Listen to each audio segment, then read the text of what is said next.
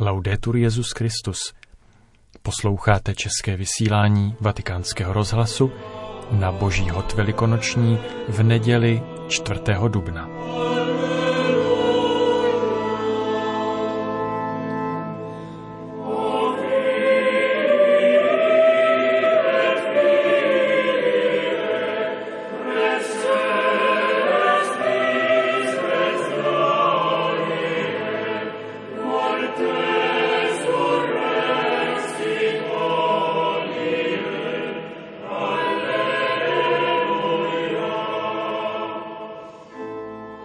Papež František dnes dopoledne celebroval bohoslužbu v bazilice svatého Petra a v poledne udělil městu a světu své tradiční požehnání Urbi et Orbi, před kterým přednesl tradiční poselství, které vám přinášíme v plném znění. Cari fratelli e sorelle, buona santa e serena Pasqua. Drazí bratři a sestry, požehnané a pokojné Velikonoce. Ze všech koutů světa dnes zaznívá zvěst hlásaná církví. Ježíš ukřižovaný vstal z mrtvých, jak řekl. Aleluja. Velikonoční zvěst neukazuje na přízrak, nevyjevuje magické zaklínadlo, neukazuje únikovou cestu z obtížné situace, kterou procházíme. Pandemie je stále ještě v plném proudu. Sociální a ekonomická krize je velmi těžká, zejména pro nejchudší. Navzdory tomu, a je to skandální, neustávají ozbrojené konflikty a zbrojení se rozrůstá. To je skandál dneška. Tváří v tvář, či lépe řečeno uprostřed této složité situace, velikonoční zvěst skrývá v pouhých několika slovech událost přinášející naději, která nesklame. Ježíš, ukřižovaný, vstal z mrtvých. Nepromlouvá k nám o andělech či přízracích, nýbrž o člověku, člověku z masa a krve, s lidskou tváří a jménem. Ježíš. Evangelium dosvědčuje, že tento Ježíš, ukřižovaný za Poncia Piláta, jelikož prohlásil, že je Kristus, Boží syn, třetího dne vstal z mrtvých, podle písma, a jak to on sám předpověděl svým učedníkům. Ukřižovaný vstal z mrtvých a nikdo jiný. Bůh Otec vzkřísil svého syna Ježíše, protože naplnil až do konce jeho vůli o spáse. Vzal na sebe naše slabosti, naše nemoci, dokonce naší smrt. Trpěl našimi bolestmi, nesl tíži našich nepravostí. Proto ho Bůh Otec povýšil a nyní Ježíš Kristus žije navždycky. On je Pán. Svědkové podali zprávu o jednom důležitém detailu. Ježíš z mrtvých vstalý nese na svých rukou, nohou a boku otisky ran. Tyto rány jsou věčnou pečetí jeho lásky k nám. Kdokoliv trpí těžkou zkouškou na těle či na duchu, může najít útočiště v těchto ranách. Skrze ně obdrží milost naděje, která nesklame. Z mrtvých vstalý Kristus je nadějí pro ty, kdo ještě trpí kvůli pandemii, pro nemocné, pro ty, kdo ztratili své drahé. Pán a tím dá svoji útěchu a podpírá úsilí lékařů a zdravotníků. Všichni, zejména ti nejkřehčí, potřebují pomoc a mají právo na přístup k nezbytné léčbě. Je to ještě zřejmější v této době, kdy jsme všichni voláni k boji proti pandemii a vakcíny představují v tomto zápase zásadní nástroj.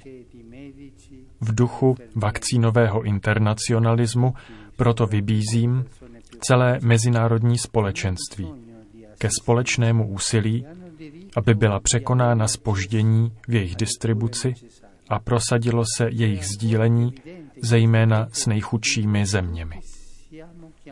Ukřižovaný a zmrtvých vstalý je útěchou pro ty, kdo přišli o práci nebo procházejí těžkými ekonomickými nesnázemi a nedostává se jim příslušné sociální péče.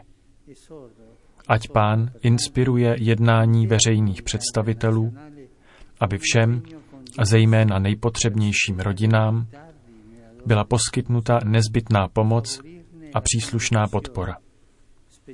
Pandemie bohužel dramaticky navýšila počet chudých a beznaději tisíců.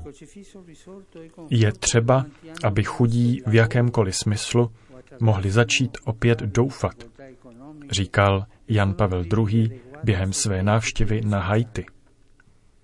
A právě na drahé obyvatele Haiti dnes myslím a chci je povzbudit, aby se nenechali přemoci obtížemi, ale aby hleděli do budoucnosti s důvěrou a odvahou.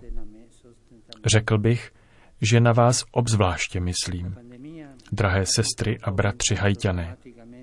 Jsem vám na blízku a přeji vám, abyste dosáhli definitivního vyřešení vašich problémů.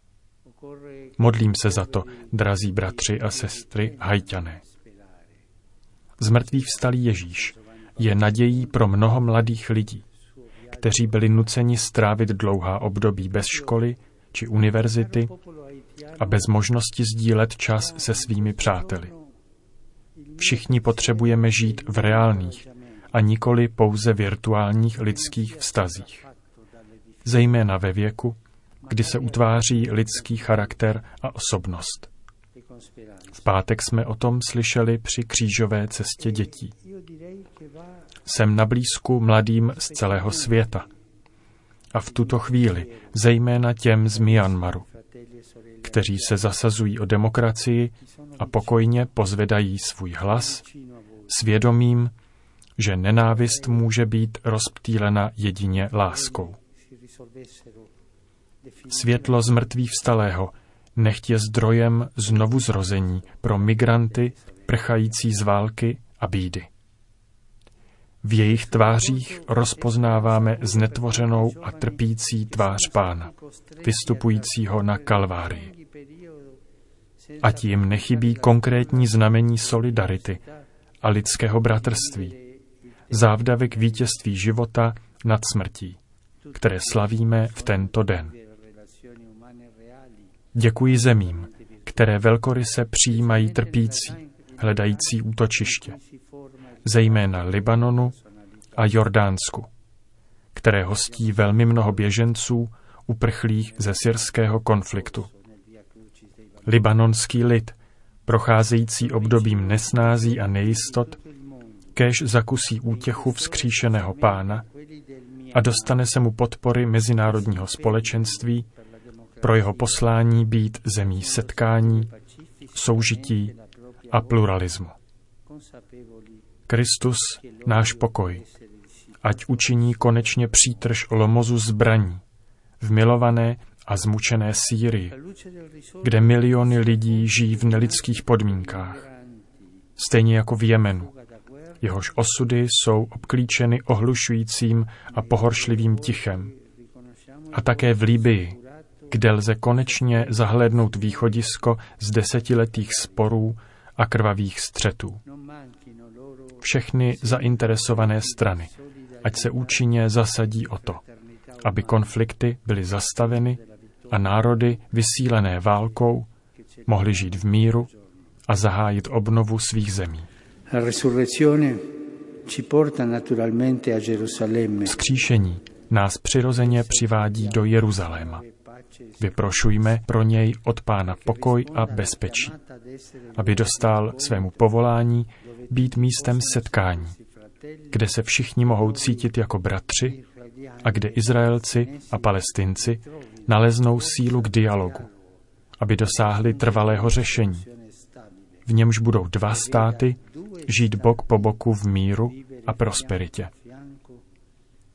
V tento sváteční den se v myšlenkách vracím také do Iráku, který jsem měl tu radost navštívit v minulém měsíci a za nějž prosím, aby mohl pokračovat v nastoupené cestě smíření, aby se uskutečnil boží sen o lidské rodině, pohostinné a přijímající všechny své děti.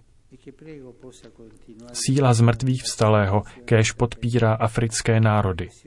Jejichž budoucnost je poznamenána vnitřním násilím a mezinárodním terorismem, zejména v oblasti Sahelu a v Nigérii, jakož i v regionech Tigray a Cabo Delgado.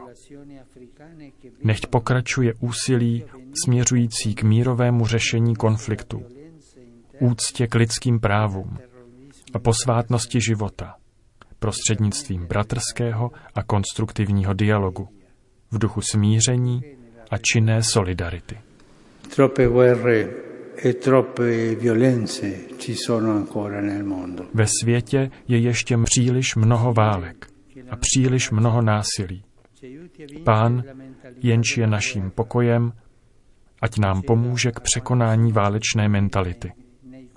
Ať dopřeje těm, kdo jsou vězni konfliktů, zejména na východní Ukrajině a v náhorním Karabachu, aby se živi a zdraví vrátili ke svým rodinám.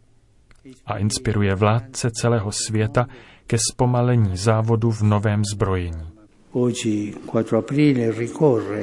Na dnešek 4. dubna připadá Světový den boje proti nášlapným minám, záludným a strašlivým výbušninám, které zabíjejí nebo mrzačí každoročně mnoho nevinných lidí a nedovolují lidstvu kráčet společně po stezkách života beze strachu, z nástrach zkázy a smrti.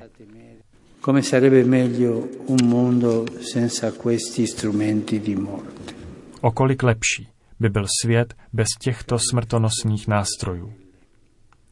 Drazí bratři a sestry, také letos slaví mnoho křesťanů na různých místech Velikonoce za přísných omezení a někteří se nemohou účastnit ani liturgických slavností.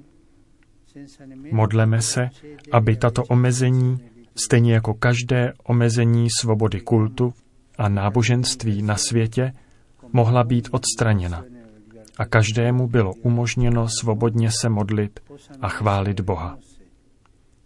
Uprostřed různorodých nesnází, jimiž procházíme, nikdy nezapomínejme, že jsme uzdraveni kristovými ranami. Ve světle zmrtvých vstalého jsou naše utrpení proměněna. Kde byla smrt, nyní je život. Kde byl zármutek, nyní je útěcha. Když na sebe Ježíš přijal kříž, dal našemu utrpení smysl.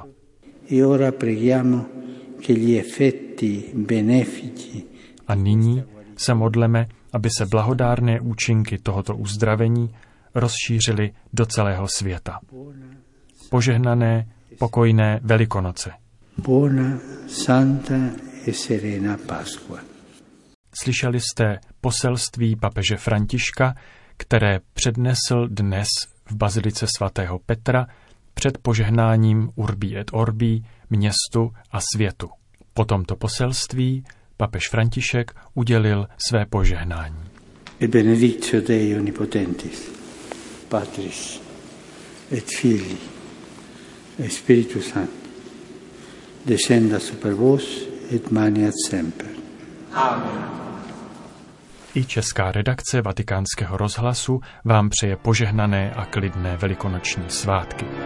Končíme české vysílání vatikánského rozhlasu. Laudetur Jezus Christus.